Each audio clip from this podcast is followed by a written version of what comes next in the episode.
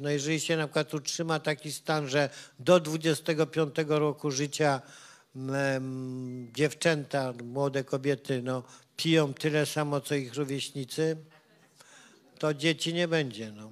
Co tam mężczyźni, co tam jakieś stosunki seksualne, co tam coś. Kobieta niczym ameba przez pączkowanie jest w stanie po prostu rozmnożyć się i pomnożyć gatunek ludzki. Właśnie tak rodzą się Polacy.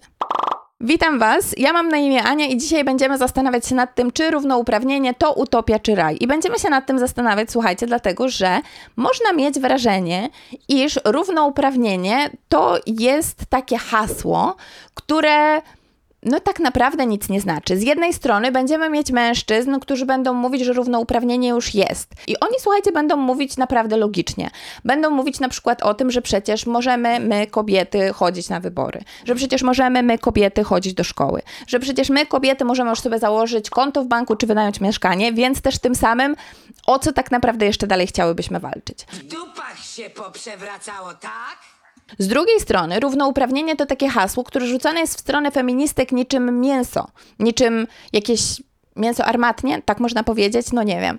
Bo słuchajcie, sprawa jest taka, że naprawdę bardzo często, jeśli powiemy pomiędzy kobietami równouprawnienie, to jedne będą mówić, że tego równouprawnienia chcą, inne będą mówiły, że tego równouprawnienia nie ma, a jeszcze inne będą mówiły o tym, że to równouprawnienie wcale nie jest nam potrzebne. I ja, słuchajcie, spotkałam taką osobę. Bo słuchaj, ja chciałabym zaznaczyć, że ja po prostu, ja nie chcę iść do pracy. Ja chcę być w domu, rodzić dzieci, gotować dla mojego męża, chcę robić pranie. Ja w ogóle nie rozumiem, dlaczego feministki walczą o to, abyśmy my musiały robić i jedno i drugie, bo wychodzi na to, że ja oprócz tego, że muszę chodzić do pracy, to jeszcze muszę potem w domu sprzątać, tak? A, a przecież wszystko kiedyś było takie proste i w ogóle natura wymyśliła to w taki prosty sposób, bo bo przecież gdyby to nie miało być prostsze i naturalne, to by tak nie było kiedyś, prawda? Jednak niezależnie od tego, czego chcą kobiety, słuchajcie, to co dla mnie najciekawsze w równouprawnieniu, to fakt, iż można mieć wrażenie, że sprawia ono, że życie mężczyzn jest gorsze. Bo na przykład są stypendia skierowane tylko i wyłącznie dla kobiet, są jakieś całe organizacje skierowane tylko i wyłącznie dla kobiet. Fakt, że więcej mężczyzn jest bezdomnych niż kobiet, może sugerować, iż od momentu, kiedy o równouprawnienie zaczęłyśmy walczyć i równouprawnienie pojawiło się wśród nas, życie mężczyzn stało się naprawdę trudne. No więc jak to jest? Właśnie nad tym wszystkim będziemy się dzisiaj zastanawiać. Będziemy zastanawiać się nad tym, dlaczego niektóre kobiety nie chcą równouprawnienia, dlaczego równouprawnienie można mieć wrażenie, że sprawia, iż życie mężczyzn jest dużo trudniejsze, a przede wszystkim będziemy zastanawiać się nad tym, o co w ogóle chodzi. Mega podekscytowana chciałabym oznajmić, że rozpoczniemy od segmentu z ekspertem. Z ekspertem, który nazywa się Sława Narzekała i Sława, słuchajcie, napisała książkę, która nazywa się Feminizm to ściema. W tej książce powołuje się na bardzo wiele autorytetów, w tym wielu bardzo mężczyzn, bo przecież nie od dziś wiadomo, że mężczyźni są również mądrzy i nawet w książkach dotyczących kobiet to właśnie mężczyźni mają prawo się wypowiadać. No i właśnie, o czym ta Sława mówi? Sława, czy możesz opowiedzieć przez chwilę o swojej książce? Halo, halo? Czy widać, że jestem ekspertem, ponieważ mam okulary i koszulę przypiętą tutaj pod ostatni guzik? Chyba jeszcze tylko lepszym ekspertem mogłabym, gdyby za mną była Warszawa i mnóstwo samochodów. Ale witam Państwa, witam i Aniu. Słyszę, że jesteś całkiem zmanipulowana. Z Twojego głosu wybrzmiewa, jakobyś uważała, że kobiety są w gorszej sytuacji niż mężczyźni. A ja tutaj chciałabym właśnie być w opozycji do tego typu nastawienia. Bo przecież to nie jest tak, że kobiety czegoś nie mogą. Wszystkie prawa mówią, że kobiety wszystko mo- mogą. Jeśli aplikujemy na stanowisko kierownika, to nie jest tak, że ktoś najpierw sprawdza, czy mamy penisa, a potem daje nam pracę. Jeśli aplikujemy na jakieś konkretne studia, to nie jest tak, że ktoś najpierw sprawdza, czy mamy penisa, a potem decyduje się przyznać nam miejsce na uniwersytecie. Nie, polega to na tym, że po prostu trzeba bardzo ciężko studiować, tak? Trzeba studiować, studiować, studiować, aby uzyskać respekt, szacunek i generalnie móc po prostu spędzić swoje życie na nauce. Więc w związku z tym można by pomyśleć, że skoro nie ma kobiet na kierunkach inżynieryjnych, to nie dlatego, że ktoś właśnie w majtki im zaglądał, ale po prostu dlatego, że nie chciały się uczyć. Tak, może tych kobiet nie ma na kierunkach jakichś po prostu konkretnych, dlatego, że były leniwe, albo może tylko może. Jest taka prawda, że kobiety biologicznie nie są dostosowane do tego, aby uczyć się matematyki. Tak? Tutaj chciałabym wskoczyć w słowo, bo słuchajcie, statystycznie najmniej kobiet jest e, nie na kierunkach inżynierskich, a na ekonomii. I tutaj mam na myśli po prostu, że statystycznie na świecie najmniej kobiet jest doktorami ekonomii. I tutaj można by zadać pytanie, dlaczego? Dlaczego tak się mogło stać? Powiem Wam szczerze, że nie wiadomo, nikt nie przeprowadził tego typu badań. Mówi się o tym, że może e, chodzi o fakt, iż ekonomiści doradzają rządzącym, może ekonomia jest zbyt mądra dla kobiet, że może kobiety nie mają takich umysłów analityczno-matematycznych. Słuchajcie, nie wiadomo. Nie wiadomo, czy problem leży w biologii, w socjologii, czy jeszcze w czymś innym, ale mówiąc o tym wszystkim, chciałam podzielić się z Wami jednym, jednym takim elementem, który mnie osobiście bardzo zaciekawił, a mianowicie określeniami, których ekonomiści używają, aby określić swoje koleżanki ekonomistki. I teraz wymieniam. Sexy, lesbijka, seksizm, cycki, anal, ślub, feminazi, suka, fajna, wagina. Teraz zestawmy to z określeniami, których używają mężczyźni ekonomiści w celu określenia swoich kolegów ekonomistów. Matematyk, ważny, doradca, książka, zmotywowany, cele, Nobel, filozof. No, mówiąc po prostu tylko i wyłącznie o tej jednej kwestii, mam wrażenie, że ekonomia to właśnie ten kierunek, na którym chciałabym robić doktorat, bo nie od dziś wiadomo, że ktoś studiuje przez 800 lat tylko i wyłącznie po to, aby później jego koledzy po fachu powiedzieli, że jest e, ładny, ma fajne cycki i nadaje się do anala, prawda? Spełnienie marzeń każdej dziewczynki. No dobra, wyobrażam sobie, że teraz jakaś część troli pisze mi w komentarzach, iż tak naprawdę nie wiem o czym mówię, bo, bo, bo słuchajcie, większość osób, które kończą uniwersytety czy politechniki to kobiety. I to jest prawda, bo 63% osób, które kończą uniwersytety to właśnie kobiety.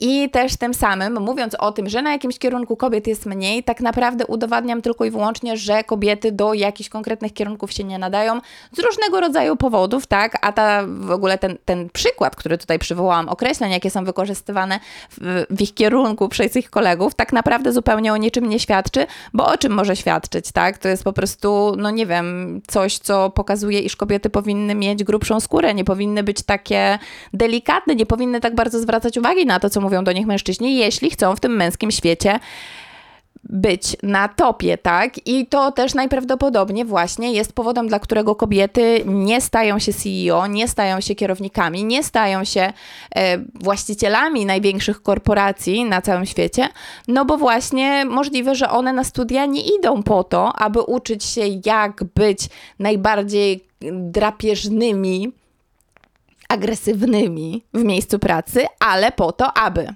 Powodów, dla których kobiety idą na studia jest kilka. Po pierwsze, to dlatego, wypisałam sobie, więc będę czytać, że zabierają stypendia, czyli pieniądze mężczyznom, wymiatają mężczyzn, którzy są zmuszeni tym samym wyjechać na platformy wiertnicze gdzieś na Ocean Spokojny, gdzie mogą spotkać sobie Moby więc tak naprawdę w sumie jest to altruistyczne z ich strony, prawda? Powód numer dwa, kobiety idą na studia, żeby znaleźć męża, bo przecież nie ma nic innego, nie ma innego wytłumaczenia, dla którego kobiety mogłyby chcieć iść na studia, no bo co, niby chciałyby zdobywać wiedzę czy coś? Eee, chociaż teoretycznie, gdyby to był powód numer numer dwa, to przecież byłoby więcej dzieci w Polsce, więc hmm, chyba jednak powód numer jeden jest jedynym prawdziwym. Czyli tak, kobiety nie studiują po to, aby robić karierę. I słuchajcie, ja nie żartuję. Kobiety naprawdę nie studiują po to, żeby robić karierę, bo kobiety nie chcą robić kariery. Pozwólcie, że wytłumaczę. Prawda jest taka, że kobiety nie chcą znajdować się na tych najwyższych stanowiskach. I jako feministka mówię to, słuchajcie, z bólem serca, ale naprawdę, naprawdę tak jest. I została przeprowadzona taka me metaanaliza badań, która brała pod uwagę badania na, prowadzone na przestrzeni bodajże 60 lat. I tą e, analizę przeprowadziła kobieta, pani, która nazywa się Ekaterina Netczaewa tak, nie umiem czytać. I pani Ekaterina jednoznacznie określiła, że kobiety nie idą w stronę wyższych stanowisk, nie idą w stronę doktoratów i tak dalej, i tak dalej, ponieważ po prostu wybierają tego nie robić. I statystyka jest, słuchajcie, przerażająca, ponieważ o ile na pierwszym etapie promocji, na przykład w korporacjach, na, jednego, na jedną kobietę przypada jeden i jedna dziesiąta mężczyzny, który będzie ubiegał się o awans, to w momencie, kiedy dojdziemy do tych najwyższych stanowisk, nagle okazuje się, że na każdą jedną kobietę, która o stanowisko wyższe będzie się ubiegać, o dokładnie to samo stanowisko będzie ubiegać się ponad dwóch mężczyzn, tak? I e, Ekaterina mówi jasno, kobiety decydują się decydują się same, same świadomie podejmują decyzję, aby na te wyższe stanowiska nie iść. No i teraz wydaje mi się, że warto byłoby się zastanowić, dlaczego.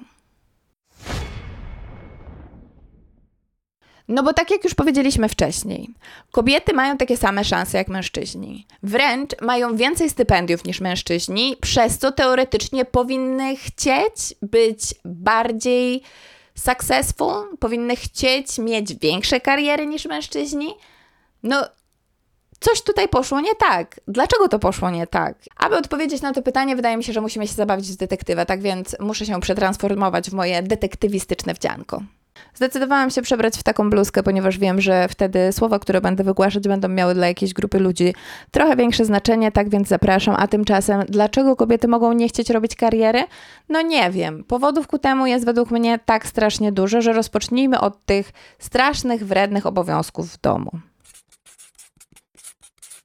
Ponieważ zrobiłam na ten temat wideo, to nie będę się za bardzo rozgadywać. Jeśli chcecie, możecie sobie na nie kliknąć i więcej w nim posłuchać na ten temat, ale prawda jest taka i sprawa jest taka, że kobiety mają wrażenie, iż mężczyźni robią mniej. I według sondażu przeprowadzonego przez Gazetę Wyborczą 50% kobiet powiedziało, że one robią w domu wszystko. I wiem, że jest jakieś grono mężczyzn, którzy powiedzą: Słuchaj, jeśli wydaje ci się, że robisz w domu wszystko, to poproś swojego mężczyznę, żeby robił połowę tych rzeczy, które ty robisz, i te, wtedy problem będzie rozwiązany. Wręcz nawet widziałam takie wideo na YouTubie, w którym jeden facet właśnie coś takiego mówił. Ale prawda jest dużo bardziej złożona, bo po pierwsze, dlaczego ja mam kogoś prosić, żeby coś zrobił? Dlaczego ten ktoś nie może po prostu ruszyć sam głową, ruszyć dupy i wyprać sobie rzeczy sam? Dlaczego? Dlaczego? Dlaczego? Te pytania pozostają bez odpowiedzi, słuchajcie. I zapraszam Was na tamto wideo. A jeszcze tylko na sam koniec, mówiąc o obowiązkach do dom domowych, chciałabym się odwołać do statystyk.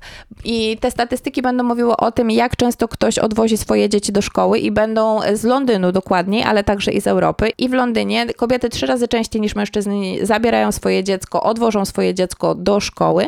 I ten przykład może jest trochę ekstremalny, bo w Europie statystycznie po prostu o 100% więcej kobiet zawozi swoje dzieci na różnego rodzaju zajęcia pozaszkolne czy do samej szkoły niż mężczyzn. I nie znalazłam takich statystyk odnośnie Polski, ale może niech w komentarzach wypowiedzą się kobiety, mężczyźni, którzy mają dzieci, jak często to ty zawozisz dziecko do szkoły czy na zajęcia dodatkowe. Czas start. Czekamy na komentarze. Zrobimy tam sobie taką malutką sondę. Tak więc tak, obowiązki w domu sprawiają, że kobiety poświęcają dużo większy, więcej czasu na to, aby zajmować się domem i tym samym mają mniej czasu na to, aby zajmować się swoją pracą zarobkową, czyli nie jest tak, że kobiety mniej pracują generalnie, jest po prostu tak, że kobiety mniej pracują e, w miejscach, które im płacą, a bardziej pracują w miejscach, które po prostu często wręcz ich pracy nie doceniają. Ale nie jest to jedyny powód. Jako drugi wypisałam sobie seksistowskie uwagi i ja tutaj już mówiłam o tym, co się wydarzyło w sytuacji, kiedy kobiety stawały się doktorantkami ekonomii i jak ich koledzy na nie reagowali. I wydaje mi się, że to jest super świetny przykład na to, że po prostu gdziekolwiek kobiety się znajdą, tam idą za nimi seksistowskie uwagi i różnego rodzaju uprzedmiotowienie, które słuchajcie, nie jest niczym miłym, tak? Ja jestem kobietą i mogę wam powiedzieć, że uprzedmiotowienie nie jest niczym miłym. I jeśli teraz w komentarzach faceci mi będą pisać, że ja tak naprawdę lubię, kiedy laska mi mówi, że mam dużego i w ogóle chciałaby ze mną uprawiać seks i tak dalej, to po prostu się pożygam, bo słuchajcie, to, że wy to lubicie, to nie znaczy, że my to lubimy i koniec i kropka. I tylko i wyłącznie dlatego, że dla was coś jest fajne i komfortowe, nie oznacza, że dla nas jest to fajne i komfortowe.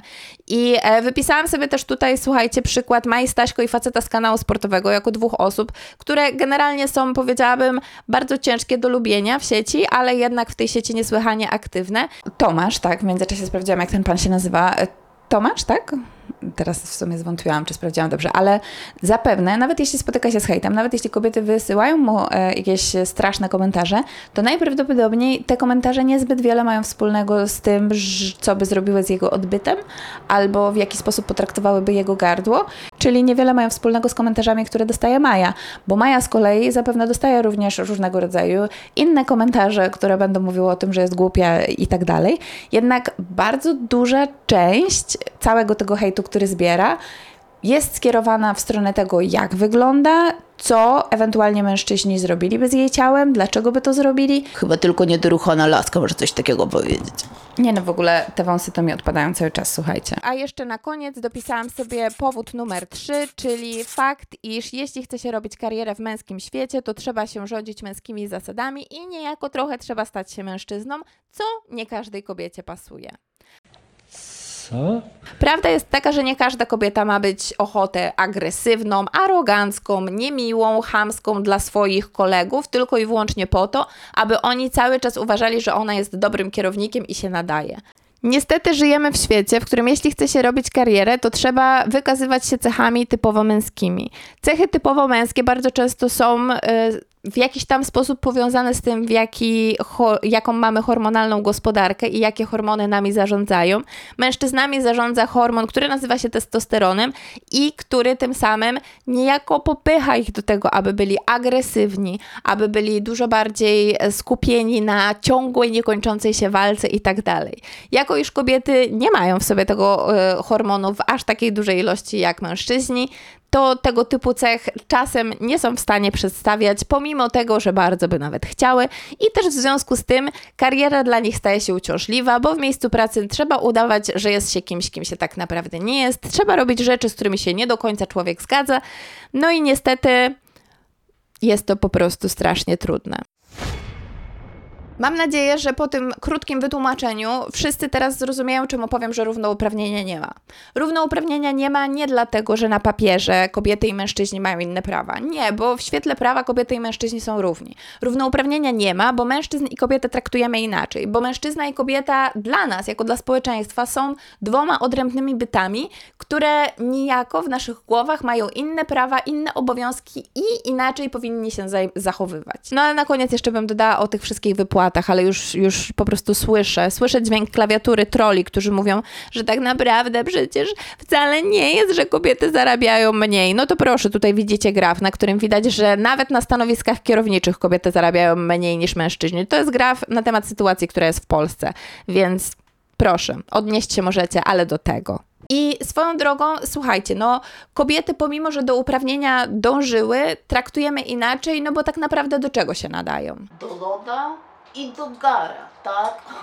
się nadają. Nie mówiąc o tym, że w ogóle dlaczego mielibyśmy kobiety traktować poważnie. Przecież kobiety zajmują się rzeczami, które poważne nie są i i, I w ogóle wymagają od nas, że będziemy im poświęcać uwagę. Kobiety mówią o modzie, o kosmetykach, o wszystkim tym, co jest w ogóle zupełnie takie trywialne i w jakiś sposób zupełnie niepoważne. Jak można traktować poważnie laskę, która może i ma 2 miliony followerów, ale opowiada o tym, jak się umalować? No po prostu się nie da, tak? Wiem, że kiedy zacznę mówić, to pomyślicie, że to, o czym mówię, nie ma zupełnie żadnego e, związku z tym, o czym mówiłam wcześniej, ale obiecuję Wam, że ma. Tak więc nie przełączajcie odbiorników. To nie jest tak, że wkleiłam tutaj jakąś część wideo, która nie jest związana z tym, o czym mówiłam wcześniej. Nie, to nie jest pomyłka. Proszę o cierpliwość. Rozpocznijmy od czasów zamierzchłych. I te czasy zamierzchłe nie są tak naprawdę bardzo zamierzchłe. Mówimy o 1975 roku, kiedy to pani Sally Slocum opublikowała przełomowy artykuł. Ten artykuł był wtedy przełomowy, teraz myślę, że nikogo nie zszokuje to wszystko, o czym będę mówić, ale i tak będę kontynuować. Jest to ważne dla kolejnej części tego bloku. Więc Sally opublikowała artykuł, który nazywał się Kobieta Zbieracz i odnosił się on do społeczności, które teraz nazywamy zbieracko-łowieckimi. Wcześniej te społeczności głównie były określane poprzez łowiectwo, którym trudnili się mężczyźni, ale nie zwracano do końca uwagi na to, co w czasie, kiedy mężczyźni byli łowcami, robiły kobiety. U nas nie być kobiety. My rozmnażać się przez pączkowanie, jak pan Kaczyński powiedzieć. I Sali nagle zadała pytanie, że dlaczego? Dlaczego nie bierzemy pod uwagę tego, co robiła połowa, albo może nawet więcej niż połowa społeczności? I zwróciła także uwagę na fakt, iż biorąc pod uwagę działania tylko jakiejś części ludzi z danej społeczności, to zaczynamy przywiązywać się do elementów działań tych ludzi, które niekoniecznie są powszechne dla wszystkich, którzy w tej społeczności są. Boże, to było jakieś strasznie skomplikowane zdanie. Chodzi mi po prostu o to, że jeśli bierzemy pod uwagę tylko i wyłącznie to, co robią mężczyźni, to niejako ucieka nam wszystko to, co robiliśmy, robią kobiety i też tym samym e, nie możemy w pełni uzyskać obrazu tego, jak dana społeczność wygląda. Wiem, że bardzo często mówi się o tym, że ludzie są śmiercionośni, że są agresywni, że uciekają się do przemocy, ale czy na pewno to wszyscy ludzie? I co to ma wspólnego z równouprawnieniem? No otóż ma to wspólnego z równouprawnieniem bardzo dużo.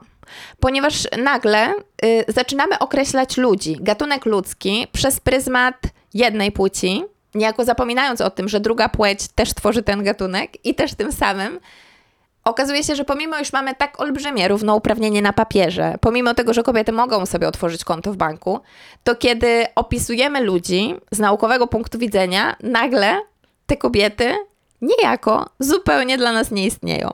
I tutaj, aby wesprzeć tą tezę, że przemoc, agresja jest y, charakterystyczna dla mężczyzn, czyli dla połowy naszego społeczeństwa, a nie dla wszystkich, mam kilka badań na przykład ze Szwecji. I tutaj słuchajcie, w Szwecji okazało się, że 9 na 10 morderstw popełniają mężczyźni. Podobne, analizy, ali, e, podobne e, analogiczne statystyki znalazłam z Australii, Wielkiej Brytanii, Stanów Zjednoczonych. Dodatkowo badanie przeprowadzone przez ONZ w 2013 roku w sprawie zabójstw, zabójstw wykazało, że 96% wszystkich zabójstw jest dokonywanych przez mężczyzn. Czyli z tej perspektywy mówienie o ludziach jako o ssakach, które zabijają przedstawicieli swojego własnego gatunku sześć razy częściej niż jakiekolwiek inne staki, ssaki, no słuchajcie, jest po prostu co najmniej błędne. No bo kobiety tego nie robią, a dodatkowo jeszcze kobiet jest więcej, tak? Więc mówimy tutaj o mniejszości, o mniejszej liczbie ludności, która ma teoretycznie określać to, kim jest nasz gatunek, jakim jest nasz gatunek, jak ewoluował i tak dalej. No coś mi się tutaj nie klei. I chciałabym, aby było tutaj jasne, słuchajcie, ja nie mówię, że wszyscy mężczyźni są mordercami, tak? Not all men, jak to niektórzy lubią mówić. A, Not all men. ale y, chciałabym się tutaj odwołać do w miarę takiego ekstremalnego przykładu, który wydaje mi się, że w wiedzy potocznej bardzo często jest wykorzystywany, aby określać nasz gatunek, który bardzo dobrze pokazuje, że tak naprawdę określamy my sami nasz gatunek, zupełnie nie biorąc pod uwagę równouprawnienia. I też jakby chciałabym, żeby było tutaj jasne, to nie jest tak, że ja obwiniam mężczyzn, którzy obecnie żyją o to, że tego typu sytuacja ma miejsce. Nie. To wszystko jest wynikiem życia w kulturze, która przez tysiące lat była zdominowana przez mężczyzn i w której kobiety po pierwsze nie miały pełni praw, a po drugie nie były też uważane bardzo długo za równoprawnych e, członków społeczeństwa, a raczej były traktowane tylko i wyłącznie jako przedmioty, które można było sprzedać, aby nawiązać jakieś unie albo zyskać jakąś przewagę finansową i tak dalej, i tak dalej. Tak więc y, ja nie obwiniam nikogo, kto obecnie żyje o to, że sytuacja ma miejsce takie, jakie ma, ale też, no nie wiem, nie oszukujmy się, tak? Prawda jest taka, że obecnie to mężczyzna jest defaultowym człowiekiem. I przykładów na to, dowodów na to jest tak bardzo dużo, że aż nie wiem od czego zacząć. Wiem, że przykład, który może przemówić do jakiejś tam ilości polskiego społeczeństwa, to będzie to, jak wygląda sytuacja z reprezentacją piłki nożnej. I jeśli zagooglujemy reprezentacja piłki nożnej, to na pewno zobaczymy reprezentację piłki nożnej mężczyzn, bo jeśli chcemy zobaczyć reprezentację piłki nożnej kobiet, to musimy dopisać kobiet w wyszukiwaniu. I e, możliwe, że nadal nie pojawi nam się ta strona na pier- jako pierwsza w wyszukiwaniu na Google. Taki stan rzeczy jest według mnie rezultatem kultury zdominowanej przez mężczyzn, z którą mamy do czynienia przez ostatnie kilka tysięcy lat. Kobiety przez setki, tysiące lat były przede wszystkim e, przedmiotami, które wykorzystywane były w celu osiągnięcia jakiejś konkretnej pozycji politycznej albo polepszenia sobie sytuacji finansowej i też tym samym tak naprawdę dopiero niedawno uzyskały pełnię praw człowieka i też właśnie dlatego nadal borykamy się z tym, iż równouprawnienia w takim rozumieniu, no nie wiem, totalnie uniwersalnym nadal nie mamy. To, co kobiece uważane jest za niszowe, to, co kobiece uważane jest za mniej ważne, to właśnie dlatego, kiedy kobieta mówi o ciuchach, jest to traktowane jako mniej istotne niż kiedy mężczyzna mówi o samochodach. To właśnie dlatego, kiedy kobieta opowiada o y, polityce nie traktujemy jej poważnie, bo jak możemy traktować poważnie kogoś, kto tak naprawdę nie jest nawet w pełni człowiekiem? Ostatnie lata przyniosły całkiem sporo starań o to, aby jednak e, kobiety pojawiły się w naszej kulturowej sferze i to właśnie w związku z tym pojawia się coraz więcej kobiet superbohaterów, coraz więcej kobiet pojawia się w polityce i tak dalej, i tak. Jednak, zwłaszcza te kobiety, które pojawiają się w mediach, potrafią budzić naprawdę całkiem sporo kontrowersji i tutaj bardzo podoba mi się przykład tego, co wydarzyło się w sytuacji, gdy zaproponowano, aby Thor zamienił się w kobietę.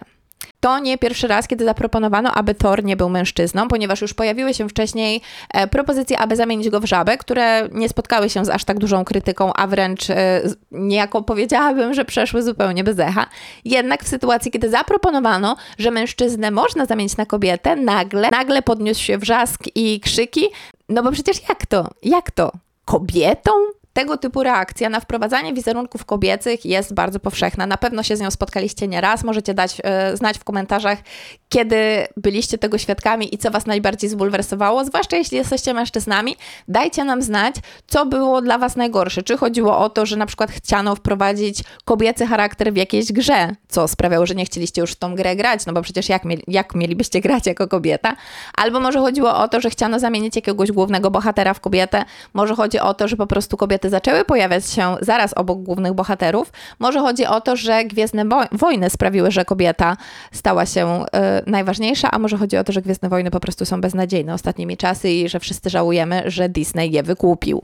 I aby była tutaj jasność, ja nie obwiniam mężczyzn o to, jaka teraz jest sytuacja, bo ja wiem, że wy urodziliście się tak samo jak ja w tym systemie takim, jakim on jest i to nie jest wasza wina, że wszystko wygląda tak, jak jest, ale myślę też, że skoro już znaleźliście się w tych ciekawych czasach, moglibyście wyjść im naprzeciw i spróbować spojrzeć czasem na świat, nie biorąc swojego jako defaultowego, nie biorąc swojej perspektywy jako jedynej prawdziwej i niejako zakładając, że jednak jest na świecie jeszcze druga część ludzi, taka, która mężczyznami nie jest. Na koniec spróbujmy jeszcze odpowiedzieć na pytania z początku wideo, czyli dlaczego niektóre kobiety nie chcą równouprawnienia, dlaczego równouprawnienie sprawia, że życie mężczyzn jest trudniejsze i o co w ogóle chodzi. No słuchaj, jest bardzo dużo powodów, dla których niektóre kobiety mogą nie chcieć równouprawnienia i ja dzisiaj chyba najbardziej eksplorowałam ten, e, który zakłada, że równouprawnienie takim, jakim przedstawiane jest obecnie, niejako zakłada, że kobiety muszą stać się mężczyznami, aby móc równouprawnienie osiągnąć i jakaś część kobiet wcale tego nie chce. To nie jest jedyny powód, tych powodów jest więcej i ja przygotowuję wideo na ten temat, ale jeszcze nie skończyłam scenariusza, tak więc będzie kiedy indziej. Dlaczego można mieć wrażenie, że równouprawnienie sprawia, że życie mężczyzn jest trudniejsze? No po prostu dlatego, że nagle mężczyzna przestaje być defaultem, że nagle mężczyzna nie jest jedyną, najważniejszą zmienną, jaka może być we wszechświecie i że generalnie musi brać pod uwagę, że istnieją kobiety, że to kim są kobiety, jakie są, jest ważne i że musi trzymać na wodzy swoje męskie instynkty, swoje męskie pragnienia. Tak, w ogóle to może być kontrowersyjne, ale ja uważam, że właśnie chyba najbardziej, najtrudniejsze dla mężczyzn w całym tym równouprawnieniu jest to, że muszą kontrolować swoje instynkty i że nie mogą po prostu sobie o tak żyć, jak to kiedyś wyglądało. Tak, wyobrażam sobie, że bardzo trudnym jest to, aby nagle musieć wpisać się w jakieś ramy kulturowe. Tak więc współczuję Wam, moi drodzy mili panowie, ale takie jest życie. Nie macie wyboru. Teraz już nie odwrócimy tego pociągu. Musimy jechać do przodu. No więc tak, mam nadzieję, że dzisiejsze wideo zachęciło Was do pomyślenia o tym, że nasze życia są różne z bardzo wielu powodów. Mam nadzieję, że zachęciło Was to do dbania o to, aby równouprawnienie miało miejsce, ale aby to równouprawnienie nie oznaczało, że wszyscy mamy zachowywać się jak mężczyźni, żyć jak mężczyźni i być mężczyznami, ale że my, kobiety, mamy pozostać kobietami. I, I tym samym dziękuję Wam za uwagę. Do zobaczenia w następnym odcinku.